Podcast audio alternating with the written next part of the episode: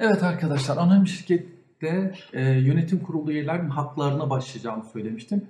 Bilgi alma ve inceleme hakkından hemen başlayalım. Çünkü 392. madde esas itibariyle anonim şirket yönetim kurulu üyesinin bilgi alma ve inceleme hakkını geniş bir şekilde düzenlemektedir. Bu maddenin içinde bazı ilgili ilgisiz e, fıkraların olduğunu da belirteceğim.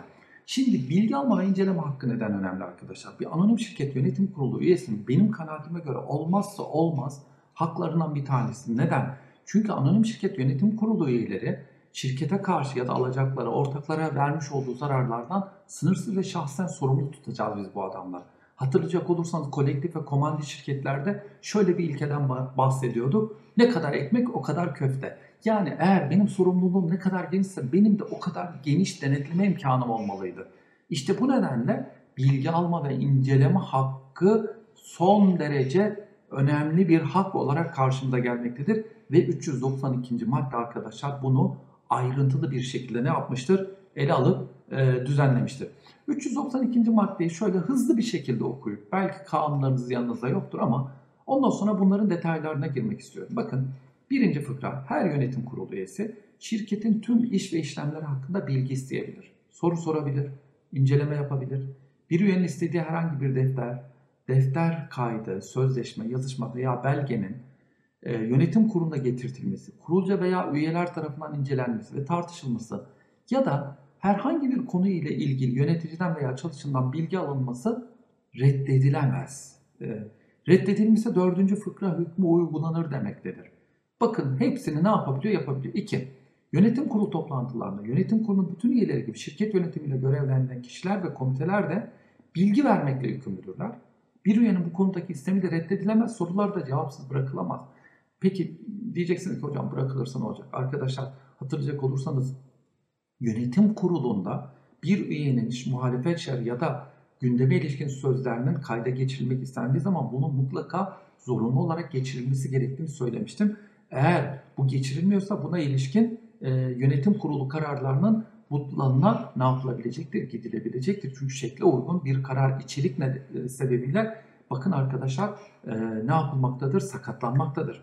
Şimdi e, bu iki fıkra arkadaşlar yönetim kurulu toplantıları zamanında yönetim kurulu üyelerinin haklarını düzenlemektedir. Bilgi alma hakkını e, ve inceleme hakkını düzenlemektedir. Ama üçüncü fıkra ise ya her zaman yönetim kurulu değil ama yönetim kurulu üyesi yönetim kurulu toplantısı dışında da bir takım bilgi belge talebinde bulunabilir. Bakın üç onu düzenliyor. E, her yönetim kurulu üyesi yönetim kurulu toplantıları dışında yönetim kurulu başkan izniyle şirket yönetimiyle görevlendirilen kişilerden işlerin gidişi ve belirli münferit işler hakkında bilgi alabilir ve görevinin yerine getirilebilmesi için gerekliyse yönetim kurulu başkanından şirket defterlerinin ve dosyaların incelenmesine sunulmasını isteyebilir demektedir.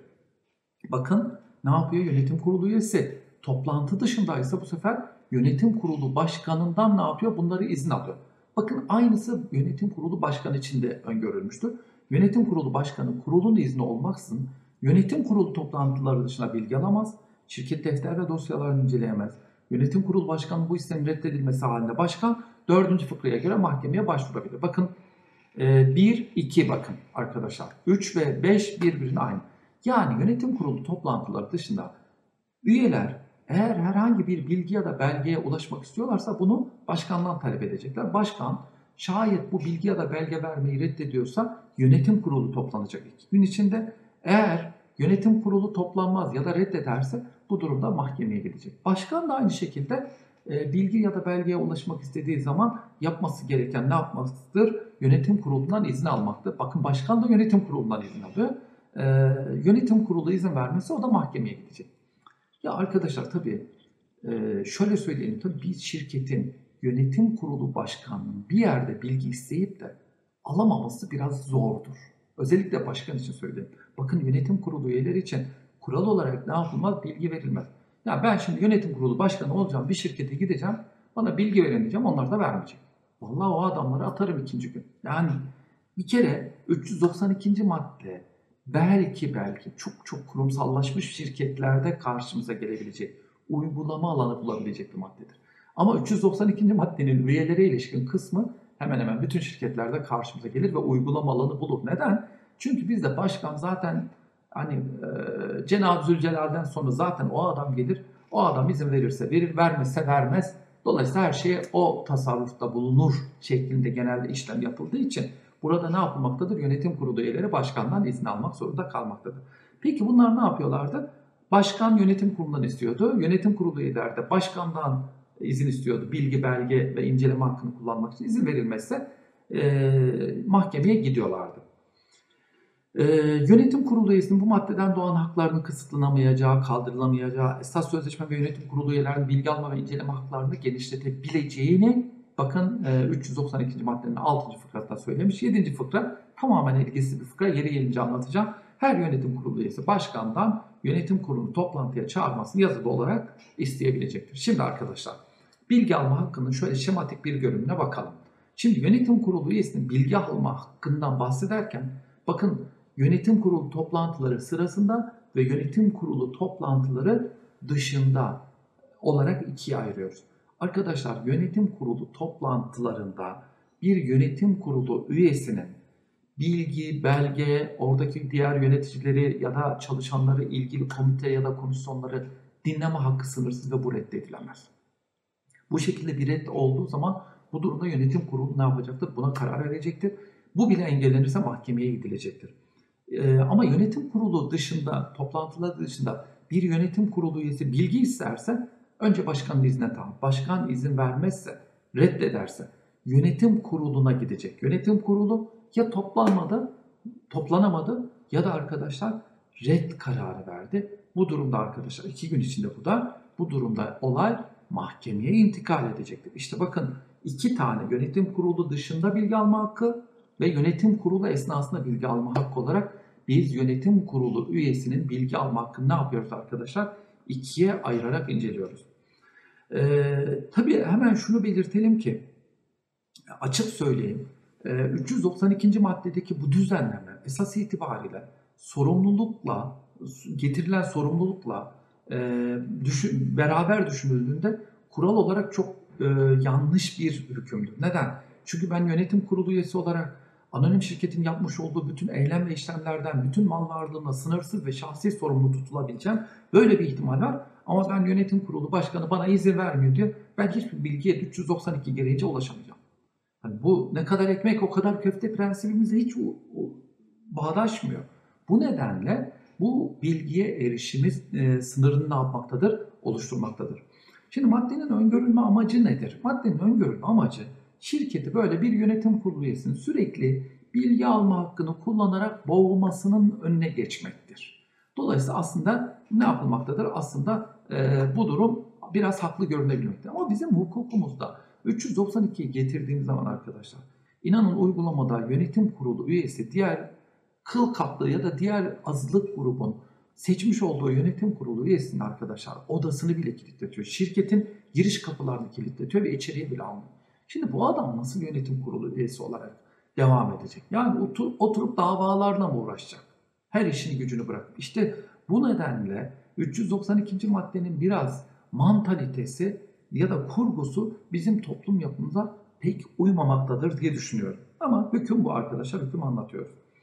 Şimdi ana kural yönetim kurulu üyelerinin aşağıdaki istisnalar dışında bilgiye erişiminin mümkün olması düzenlenseydi bence daha iyi olabilir. Bu arada kaynak tavsiyesi için Savaş Bozber meslektaşımızın anonim şirket yönetim kurulu üyelerinin bilgi alma ve inceleme hakkını e, isimli makalesini size e, tavsiye edebilirim. Şimdi bilgi alma hakkında arkadaşlar bütün yönetim kurulu üyeleri eşittir. Yani eşitlik ilkesi geçerlidir. Bu nedenle bir yönetim kurulu üyesine e, bilgi al, bir yönetim kurulu üyesinin bilgi alma hakkı tanındıktan sonra diğer yönetim kurulu üyelerinde bilgi alma hakları aynı şekilde arkadaşlar ne yapılabilir? Karşılanmalıdır. Karşılanması zorunludur. Ancak bunun istisnası bizden bir tane geldi bilgi bir yönetim kurulu üyesi bilgi aldı. Diğeri de istiyor ama onun da şirket arasında bir menfaat çatışması varsa belki ona vermeyebilirim. Ya da rekabet yasağı varsa ona vermeyebilirim. Neden? Çünkü o zaten başka bir şirkette aynı şeyi e, yapan bir şirkette yönetim kurulu üyesi. O an tabii ki bilgileri biraz daha kısıtlayabilirim. Orada eşitliği bozarım. Neden? Çünkü üyeler eşit değil arkadaşlar. Bilgi alma hakkından ancak yönetim kurulu üyeleri yararlanabilir. Yani diğer yöneticilerin 392. maddede sayılan haklardan yararlanabilme imkanları yok. Ama 367. maddeye göre yönetim kurulu üyelerine e, üyelerinin yetkilerini devretti. Hatta kendi yerlerine sorumlu kıldıkları bu adamların da kıyasen bu tür talepleri yapabilmeleri gerekir. Neden? Çünkü işlerin gidişatı konusunda en azından bir bilgi sahibi olması gerekir. Ben ne yapıyorum? Gönderiyorum. E, seçmedeki özeni de gösterdim. E, 367. maddeye göre yönetimi ehil birine devrettim. Sorumluluktan kurtuluyorum. E, ama hiçbir bilgiye bulaştırmıyorum bunu. İşte bu adamların da aslında bu hükme nazaran kıyasen bakın diğer yöneticiler kural olarak bundan yararlanamaz ama 367. maddeye göre yönetim kurulu üyesinin sorumluluğu üzerinden attığı bu tür yöneticilerin kıyasen burada bilgi talep etme hakları olması gerekir. Bilgi alma hakkının arkadaşlar kısıtlanması mümkün değildir ama sözleşme ile genişletilebilir. Bilgi alma hakkı şahsen arkadaşlar kullanılmalıdır. Yani kişi yönetim kurulu üyesi vekili, temsilcisi vesairesi aracılığıyla bu hakları ne yapamaz? Kullanamaz. Çünkü bilgi şirkete ait bilgidir. Yine e, bilgi verilmemesi halinde mahkemeye gidileceğini söylemiştik. Çok hani doktrinde buna güzel bir şey yapıyor. Ya bilgi isteyen ortağa da yönetim özür diliyorum yönetim kurulu üyesine de e, gereksiz bilgileri vererek onu bilgiye boğmak da esas itibariyle bilgi vermemek şeklinde değerlendirilmelidir.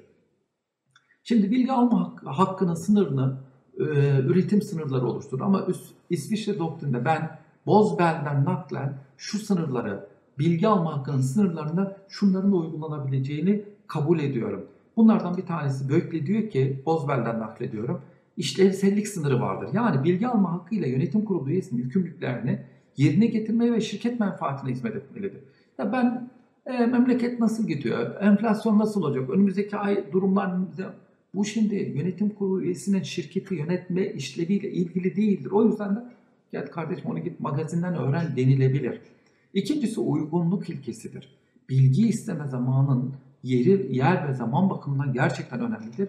Yönetim kurulu toplantısına bir saat kalmış 100 tane soru sorup bana bu konuda yazılı dönüş yapın denirse bu uygunluk ilkesiyle bağdaşmayacaktır. Üçüncüsü menfaat çatışmaları olmamalıdır. Bilgi isteyen yönetim kurulu üyesinin demin söylediğim gibi rekabet yasağına tabi yani rekabet yasağına yasağı konusunda izin verilmiş.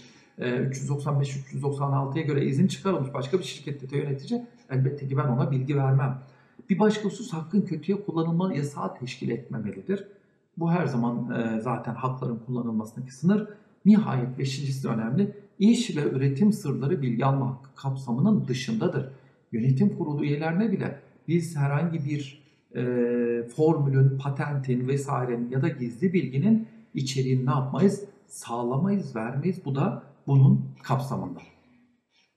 Şimdi yönetim kurulu toplantıları dışında yönetim kurulu üyesi, yönetim kurulu başkanının izniyle, şirket yönetimiyle görevlendirilen kişilerden işlerin gidişi ve belirli münferit işler hakkında bilgi alabilir ve görevinin yerine getirilebilmesi için gerekliyse e, yönetim kurulu başkanından şirket defterlerinin ve dosyaların incelemesine sunulmasını isteyebilir. Bu fıkrada e, Mehaz İsviçre Borçlar Kanunu 715A'dan oldukça farklı. Çünkü İsviçreliler yasaklamayı şu şekilde yapıyorlar. Diyorlar ki münferit işlerde yönetim kurulu başkanından izin alınır ama şirketin genel gidişatı bakımından esas itibariyle yönetim kurulu başkanına e, başkanın iznine ihtiyaç duyulmaz. Bu aslında yönetim kurulu üyesinin gözetim yükümlülüğü de bir gözetim yükümlülüğü birlikte düşündüğünde aslında İsviçrelilerin yaptıklarının daha doğru olduğunu düşünüyoruz. Burada aslında Türk Ticaret Kanunu'nda gereksiz bir kısıtlamayla karşılaşıyoruz. Ama lafız böyle. Doktrin hani bunun e, özensiz bir çeviriye dayandığı yolunda bir görüş belirtiyor ama bu noktada gerçekten bilinçli tercih olup olmadığını bilemiyoruz ama lafza baktığımız zaman açık bir şekilde sınırlamaktadır. Yine başkanın da e, bilgi almak için yönetim kurulundan izin almak zorunda olduğunu söylüyorduk. E, aslında bu da İsviçre Borçlar Kanunu'da yok. Çünkü bu bize göre de gerçekten gereksiz bir sınırlama. Uygulamada pek uygulanamayacak bir sınırlama. Ama Moroğlu da çok güzel bir şey söylüyor. Bu Türk Ticaret Kanunu ile ilgili hükümleri eleştirirken diyor ki ya başkan için böyle bir şey getiriyoruz ama başkan bunu çok kolay ne yapar? Dolanır. Bir yönetim kurulu üyesine der ki sen benden şu bilgiyi iste. Bakın yönetim kurulundan isteyecek. Ama başkan der ki bir yönetim kurulu ya şunu sen iste ben de sana izin vereyim. Dolayısıyla başkan da öğrenecek, herkes de öğrenecek. Dolayısıyla burada gerçekten e, bu fıkranın her zaman dolanılabilme imkanı vardır. Başkan yönetim kurulu dışında bir üyenin talebini reddederse konu iki gün içinde yönetim kuruluna gidiliyor. kurulun toplanmaması veya bu istemi reddetmesi halinde üye şirketin merkezinin bulunduğu yerdeki Asliye Ticaret Mahkemesi'ne başvurabilir. Mahkeme istemi dosya üzerinden bağlar, karara bağlar, mahkemenin kararı kesin. Ee, benim kanaatime göre de bu e, dava bir eda davası niteliğindedir. Yani mahkemenin kararına yönetim kurulu uymak ve o bilgileri talep edilen bilgileri de arkadaşlar yönetim kurulu üyesi ne yapmalıdır? Vermek e, zorundadır. Hemen e, bilgi alma hakkı ve sorumluluk arasındaki ilişkiye demin e, söylemiştim.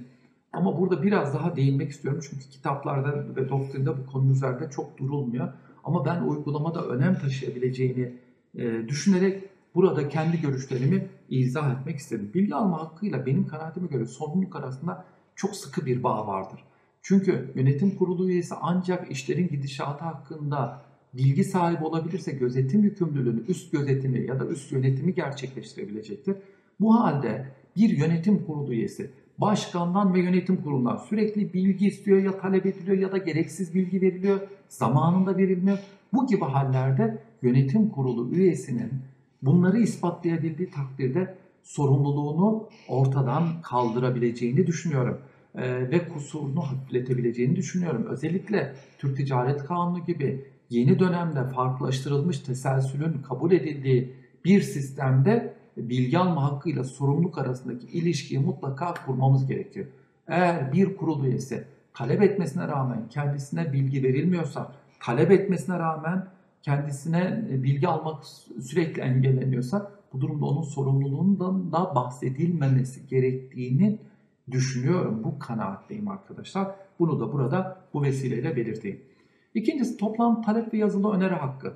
Hani e, genelde ders kitaplarımıza falan baktığımız zaman toplantı talebiyle ilgili e, bir düzenleme e, genelde e, hani pa, yönetim kurulu üyesinin haklar arasında sayılmıyor ama benim kanaatime göre çok net bir hak. Neden?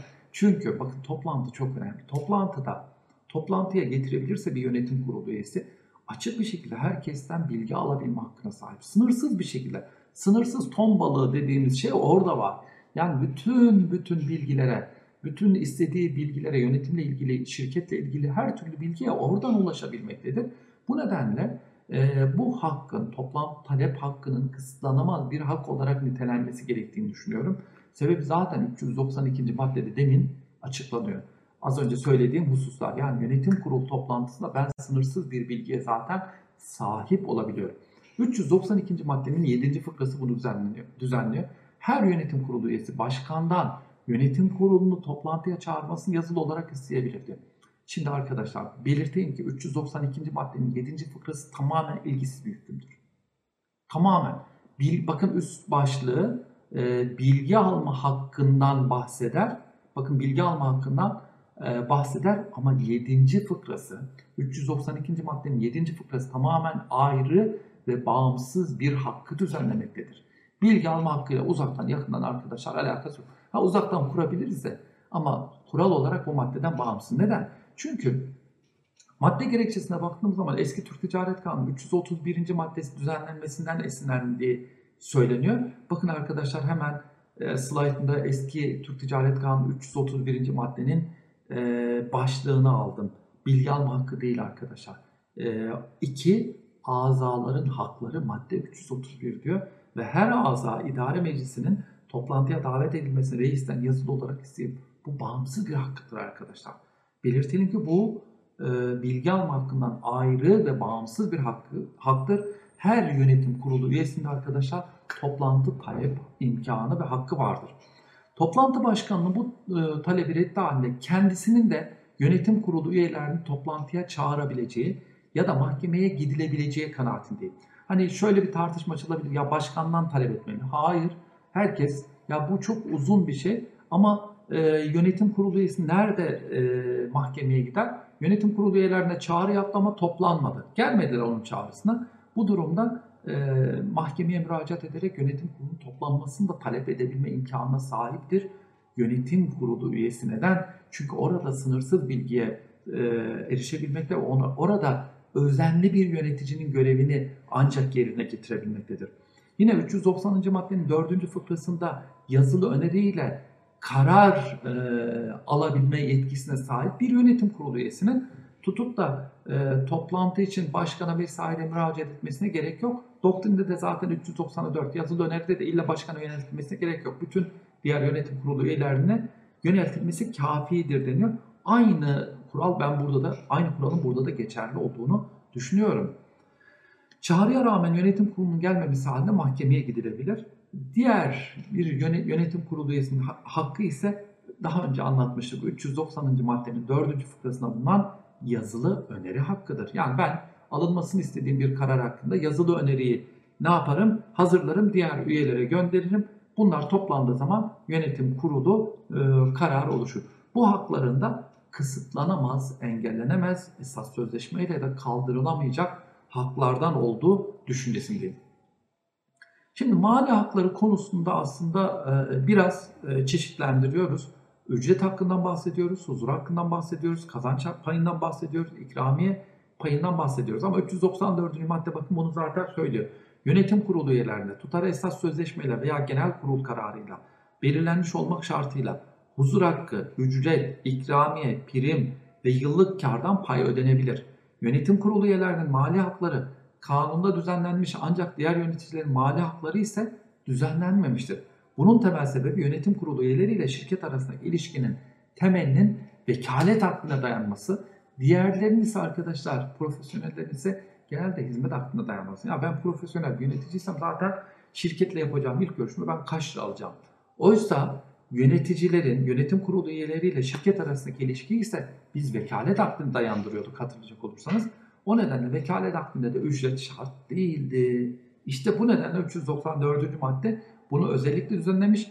Diğer profesyonellerin e, ücretlerini ise hiç karışmamış. Zaten onlar zaten temel şart. Zaten ben niye gideyim laf olsun e, diye ya da fantazi olsun diye bir şirkette yönetim, yöneticilik yapmam tabii ki. Bunu ben bir iş olarak görüyorum. Elbette ki karşılığını alırım. Şimdi huzur hakkı. Huzur hakkı nedir arkadaşlar? Huzur hakkı hazır bulunmaktan kaynaklanır. Huzur hakkı kurul üyelerinin toplantılara devamını sağlamak amacıyla şirket işlerinin aksamadan yürütülebilmesi için üyelere tanınan bir mali haktır. Yönetim kurulu üyelerinin toplantılara katılmak amacıyla yer değiştirmeleri ve zaman kaybetmelerinin bir tazminatı niteliğinde olduğunu söyler Akar Öcal Hoca Batı Der'deki huzur hakkı makalesinde. Evet gerçekten de öyledir. Ee, diğer mali hak olan ücretten de bu yönüyle ayrılır. Çünkü bakın ücrette bir toplantıya katılma şu şartı yoktur ama huzur hakkında arkadaşlar toplantıya katılmazsa huzur hakkı alınmaz. Hemen belirteyim belki aklınızda sizin de takılabilecektir. Acaba toplantı elektronik ortamda yapıldığı zaman ne olacaktır? 1527. maddeye göre elbette ki orada da yine huzur hakkı alınabilecektir. Çünkü orada da bir zaman ayırmaktadır. Şimdi huzur hakkı esas sözleşmede ya da genel kurulca belirtilebilir. Eğer genel kurulun e, genel kurul huzur hakkını vermek istemiyorsa açık seçik bir şekilde genel kurulun bu yetkisi esas sözleşmeyle bertaraf edilmelidir. Aksi takdirde genel kuruldadır takdir yetkisi. Toplantıya katılan her üye az ya da çok katkısına bakılmaksızın huzur hakkı verilir. Ve burada arkadaşlar eşitlik ilkesi geçerlidir. Ee, ve bu nedenle burada ya sen geldin genel şey yönetim kurulunda uyudun, uyukladın ya da hiçbir şey konuşmadan üç kelam ancak laf ettin. Sana vermeyelim şeklinde bir cümle edilemez. Çünkü buraya toplantıya katılmak ve ücretin alınması için kafidir. Toplantıya katılım ile birlikte alacak hakkına dönüşür huzur hakkı ve 5 yılda zaman aşımına uğrar. Hakkın kötüye kullanılmasını oluşturacak şekilde de huzur hakkı alınamaz. Ee, ben e, arkadaşlar bir sivil toplum örgütüne e, mahkeme tarafından yönetim kurulu başkanı olarak atandığımda oradaki tartışılan konulardan bir tanesi şuydu. E, bu sivil toplum örgütü arkadaşlar yöneticileri arka arkaya yönetim kurulu toplantıları ihtas etmişler. Her yönetim kurulu toplantısı başında huzur hakkı alıyorlar.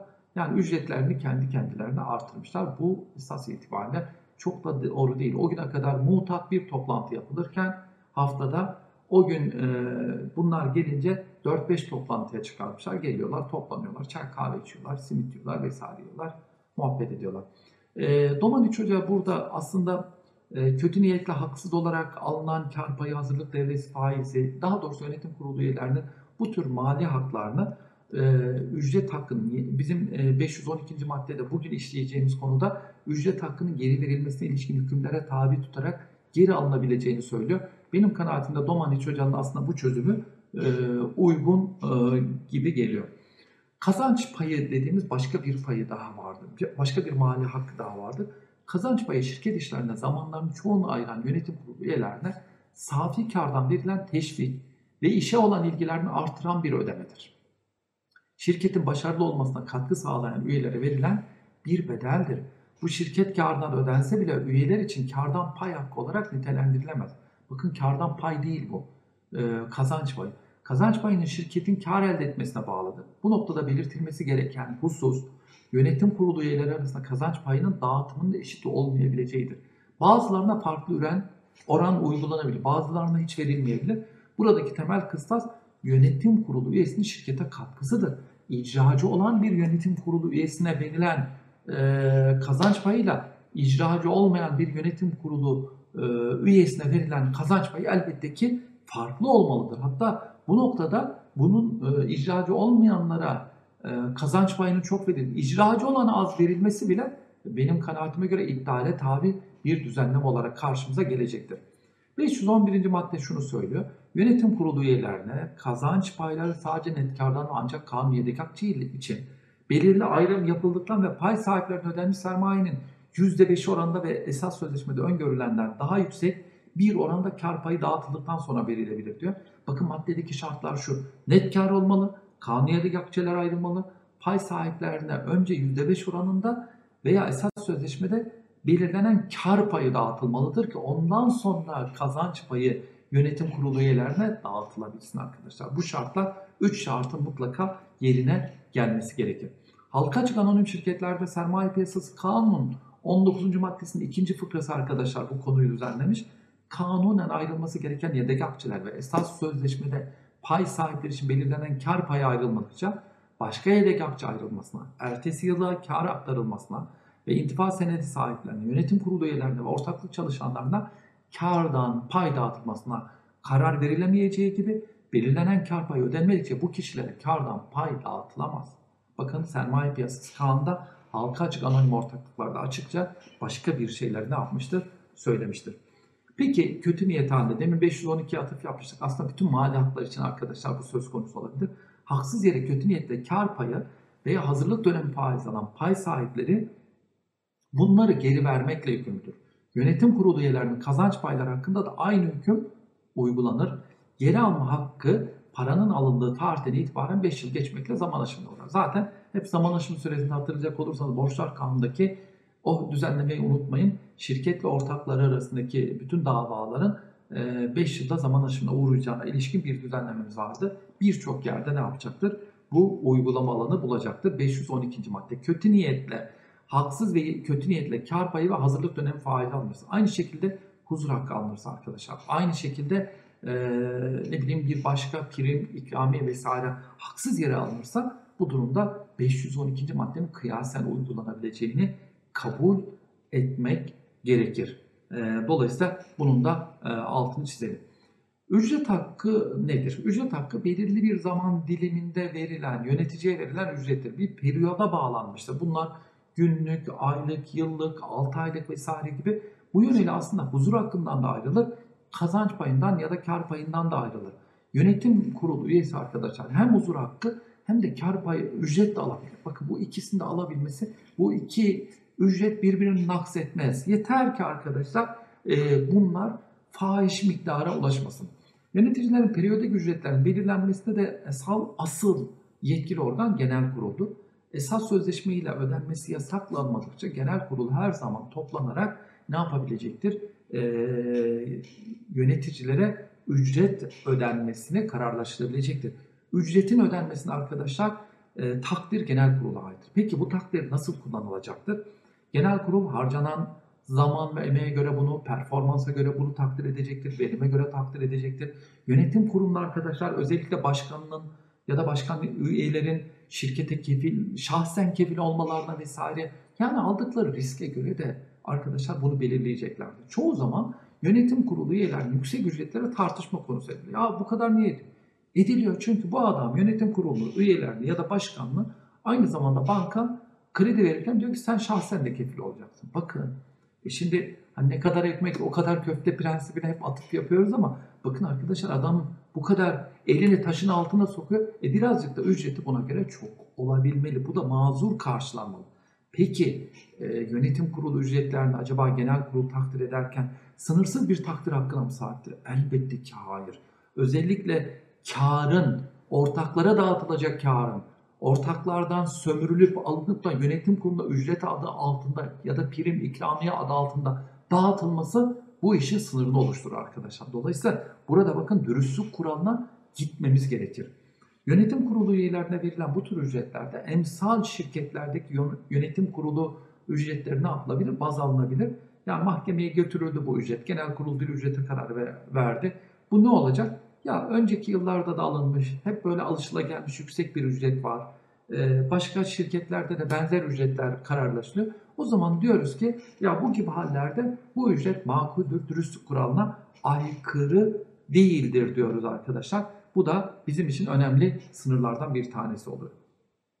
Şirket iflas ettiği halde bu aslında 512'nin hemen altında ekleyecektim ama konular aynı zaten. Şirketin iflası halinde yönetim kurulu üyeleriyle şirket alacaklarına karşı iflasın açılmasından önceki son 3 yıl içinde kazanç payı veya başka bir adı altında bakın ücret, ikramiye, prim, hizmetlerine karşılık olarak aldıkları ve fakat uygun ücreti aşan, uygun ücreti aşan ve bilanço uygun bir ücret miktarına göre tedbirli bir tarzda düzenlenmiş olsaydı ödenmemesi gereken paraları geri vermekle yükümlüdür. Bakın iflas halinde. Bakın 512. maddeden 513. madde arkadaşlar oldukça farklıdır.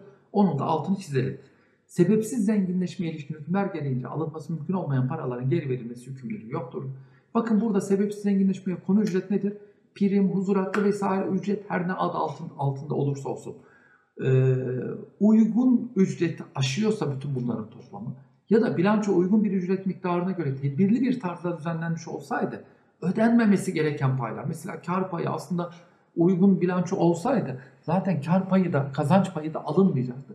O zaman bunlar da diyor sebepsiz zenginleşme hükümlerine göre ne yapılacak? Verilecek. Mahkeme halin bütün gereklerini göz önünde bulundurarak takdir hakkını kullanır.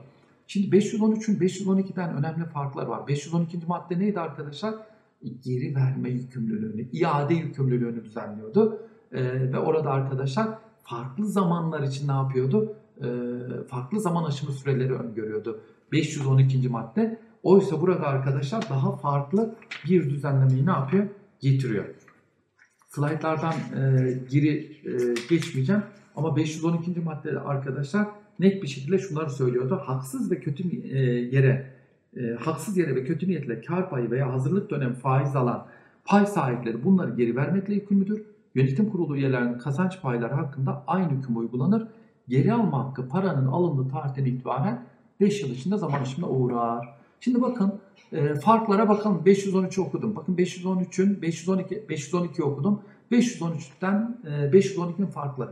513'ün uygulanabilmesi için iflasın açılmış olması gerekir. 2. Zaman aşımı için bir süre öngörülmemiş. Sebepsiz zenginleşme davası için öngörülen zaman aşımı süreleri arkadaşlar burada aynen geçerlidir. Burada aynen geçerlidir. E, nereden? İflasın açıldığı tarihten itibaren bunlar geçerlidir. Uygun ücreti aşan kısımlar için karar verilmesi gerekir. Hakime de takdir hakkı verilmiş verilmelidir. 513 çok net bir şekilde arkadaşlar hakime takdir hakkını verir ve ne diyor arkadaşlar? İflasın açılmasından önceki son 3 yıl içindeki kazanç paylar için bu uygulanır. Bunu da e, açıkça belirtelim arkadaşlar. 3 yıllık bir sürede ne yapılmıştır? Öngörülmüştür.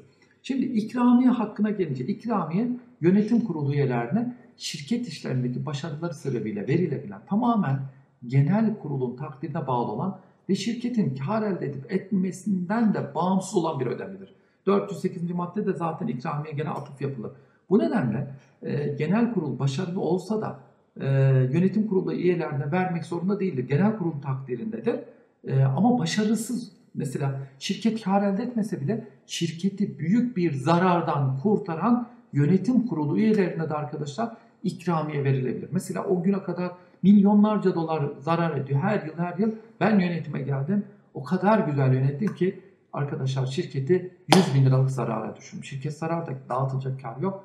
Ama yönetim kurulu bana ne diyebilir? Ben sana yine de ikramiye ödemesi yapıyorum diyebilir arkadaşlar. Bir diğer hakkı da yönetim kurulu üyelerine yapılan bir diğer mali hak türü de prim ödemeleridir. Prim ikramiye benzesi de ikramiyeden ayrılan özelliği kişiye özgü olması ve genel nitelikler doğrultusunda dağıtılmamasıdır. Yani herkese dağıtılmaz. İkrami, yönetim kurulu üyelerine ikram. Şirketin dönem başında belirlemiş olduğu mali hedeflere ulaşılması durumunda yönetim kurulu üyelerinin bir ya da birkaçına ya da tamamına prim ödemesi yapılabilir. Prim aynı zamanda verimin artırılması bakımından sıkça öngörülen bir uygulamadır. Yine prim dağıtımının e, e, takdiri yine genel kurula aittir.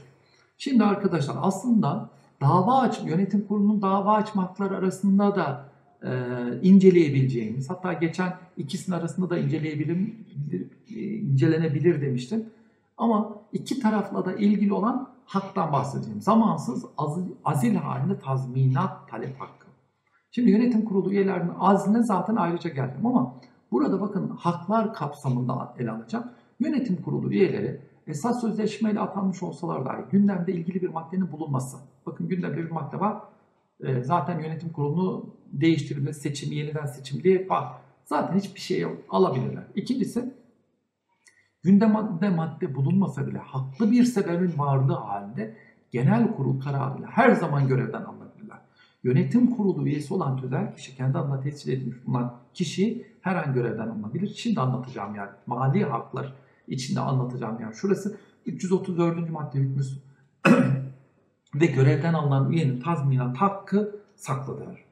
Şimdi arkadaşlar 6762 sayılı eski Türk Ticaret Kanunu'ndan temel bir mantalitenin değiştiği 6102 sayılı kanuna görüyoruz. Bakın eski Türk Ticaret Kanunu'ndaki azil maddesi 316. madde kırmızıyla görünüyor. Bakın az dolunan azanın tazminat talebine hakkı yoktur diyor. Bakın ister haklı sebep, ister haklı sebepsiz az dolunan üyenin tazminat talebine hakkı yoktur deniliyor. Oysa 364. madde arkadaşlar bakın net bir şekilde ne diyor? 334. madde hükmü ve görevden alınan üyenin tazminat talebi saklı. Demek ki üye e, görevden alındığı takdirde tazminat talebinde bulunabilecektir. Şimdi arkadaşlar neden e, 364. maddenin ikinci fıkrası öngörüldü? Çünkü üye de kendi kaderini şirketin kaderine bağlıyor. Diyor ki beni seçtiler 3 yıl boyunca diyorum ben buradan e, ne yapacağım? E, işte bir takım gelirler elde edeceğim. İşte bu gelir beklentimi benim genel kurul giriyor. Diyor ki Tekin Memiş'i görevden alalım. E, ben 3 yıl ne yaptım? Adeta arkadaşlar bu durum şöyle kıyaslanabilir. Hani teknik direktörlerin bir futbol takımının başından alındığında nasıl geriye kalan sözleşme zamanındaki ücretini nasıl isteyebiliyorsa burada da aslında benzer bir düzenlemeye gidilmiştir. Çünkü onun içinde yönetim kurulu üyesi için arkadaşlar bu haklı bir beklenti olarak karşımıza gelmiştir. Şimdi İsviçre hukukuna özellikle burada da Nuri Erdem'in Anonim Ortaklık Genel Kurul toplantılarında gündeme bağlı ilkesi çerçevesinde yönetim kurulu üyesinin azline ilişkin makalesine bakabilirsiniz. Orada tabi İsviçre Borçlar Kanunu'nun 404. maddesinde kat'i surette yönetim kurulu üyelerinin azline de uygulanacağı, tazminat için aranacak olan uygun olmayan zamanda azil olduğu, buna bağlı olarak ortaya çıkan zararların tazmin edileceği, bu çerçevede azlin haklı sebebe dayanmamasını ise tazminat ödenmesine yol açacağı belirtiliyor. Ama azil haklı ise yani yönetim kurulu üyesinin azli haklıysa arkadaşlar bu durumda ne yapılacaktır? Elbette ki haklı azilde tazminatta ödenmeyebilecektir. Bu aşamada belirtilen üyenin manevi tazminat talebinin de e, İsviçre hukukunda aynen kabul edilmektedir. Bizim hukukumuzda da e, manevi tazminat taleplerine de imkan vermek gerekir. Çünkü gerçekten rencide olunan, zamandan önce alınan bir yönetim kurulu üyesinin gerçekten bir takım şahsi etaplarda rencide olmuş olabilir. 11. Hukuk Dairesi'nin 2015 Taksim 5745 ve 2015 1331 13031 kararı ve 7-12-2015 tarihli kararına bakalım. Bir Büyükşehir Belediyesi'ne ait iştiraklerden olan davalı şirketin 29-2013 tarihinde yapılan olan genel kurul toplantısı bir yıl süreyle görev yapmak kaydıyla yönetim kurulu üyesi seçilmiş davacı. 8-7-2013 tarihinde, e, tarihinde bakın 29.3'te seçiliyor. 8-7'de 4 ay sonra kendisinden habersiz olarak yapılan olağanüstü genel kurul toplantısında herhangi bir haklı sebep gösterilmeksizin de azdediliyor. Bu durumda tabii yönetim kurulu üyesi bunu hazmedemiyor. Söz konusu toplantı yönetim kurulu üyelerinin yeniden seçilme şeklindeki muğlak bir ibareye dayanılarak kendisiyle birlikte görev yapan 11 yönetim kurulu üyesinin görevine son verildiğini, kendisi hariç diğer yönetim kurulu üyelerinin yeniden seçildiğini, hepsini azlediyorlar, 12'sini azlediyorlar. Bunu çıkarıyorlar ama geriye kalan 11'ini yeniden ne yapıyorlar? Seçiyorlar. Şimdi e, kendisinin yerine seçilen kişinin aynı nitelik ve ünvanda olduğunu 6102 sayılı kanun 364 Taksim 2 maddesi uyarınca haksız azil nedeniyle tazminat isteme hakkının sağ, e, sağlanıldığını, haksız azil nedeniyle üyelik e, aylık 3500 TL olan huzur hakkı alacağından mahrum kaldığını ileri sürerek 8-7-2013 tarihinden itibaren görev süresinin bitim tarihi olan 29-2013 tarihine kadar mahrum kalınan 30.566,66 TL'nin kendisine verilmesini istemiş. E, mahkeme de bunu ne yapmış? Kabul etmiştir. Ne diyor? E, davanın, davalı vekil de hayır diyor öyle olmadı. Sermaye e, artırma ihtiyacı nedeni ortaklarının olağanüstü toplantı yapması gündeme gel. Bu arada yönetim kurulunun da gündeme alın. Davacının bu toplantıda genel kurul tarafından alınan karar uyarınca yönetim kurulu üyeliğinden azledildiğini, müvekkil şirketin artan sermayesi ve kapasitesi gözetilerek daha aktif ve çözüm odaklı yönetim anlayışının benimsenmesi nedeniyle davacının yeni oluşan yönetim kurulunda görevlendirilmemesi gerektiğini savunuyor. Yani bir şey söyleyecek ama bakın haklı bir sebep var demiyor. Şimdi tabi burada e, mahkeme esas itibariyle bunları ne yapıyor? 364. maddenin ikinci fıkrasına dayanarak davacının talebini aynen kabul ediyor. 330.566 liraya hükmediyor. E, yine dava temiz ediliyor. Dava TTK'nın 364. maddenin ikinci fıkrasına e, aç, göre açıldığını söylüyor.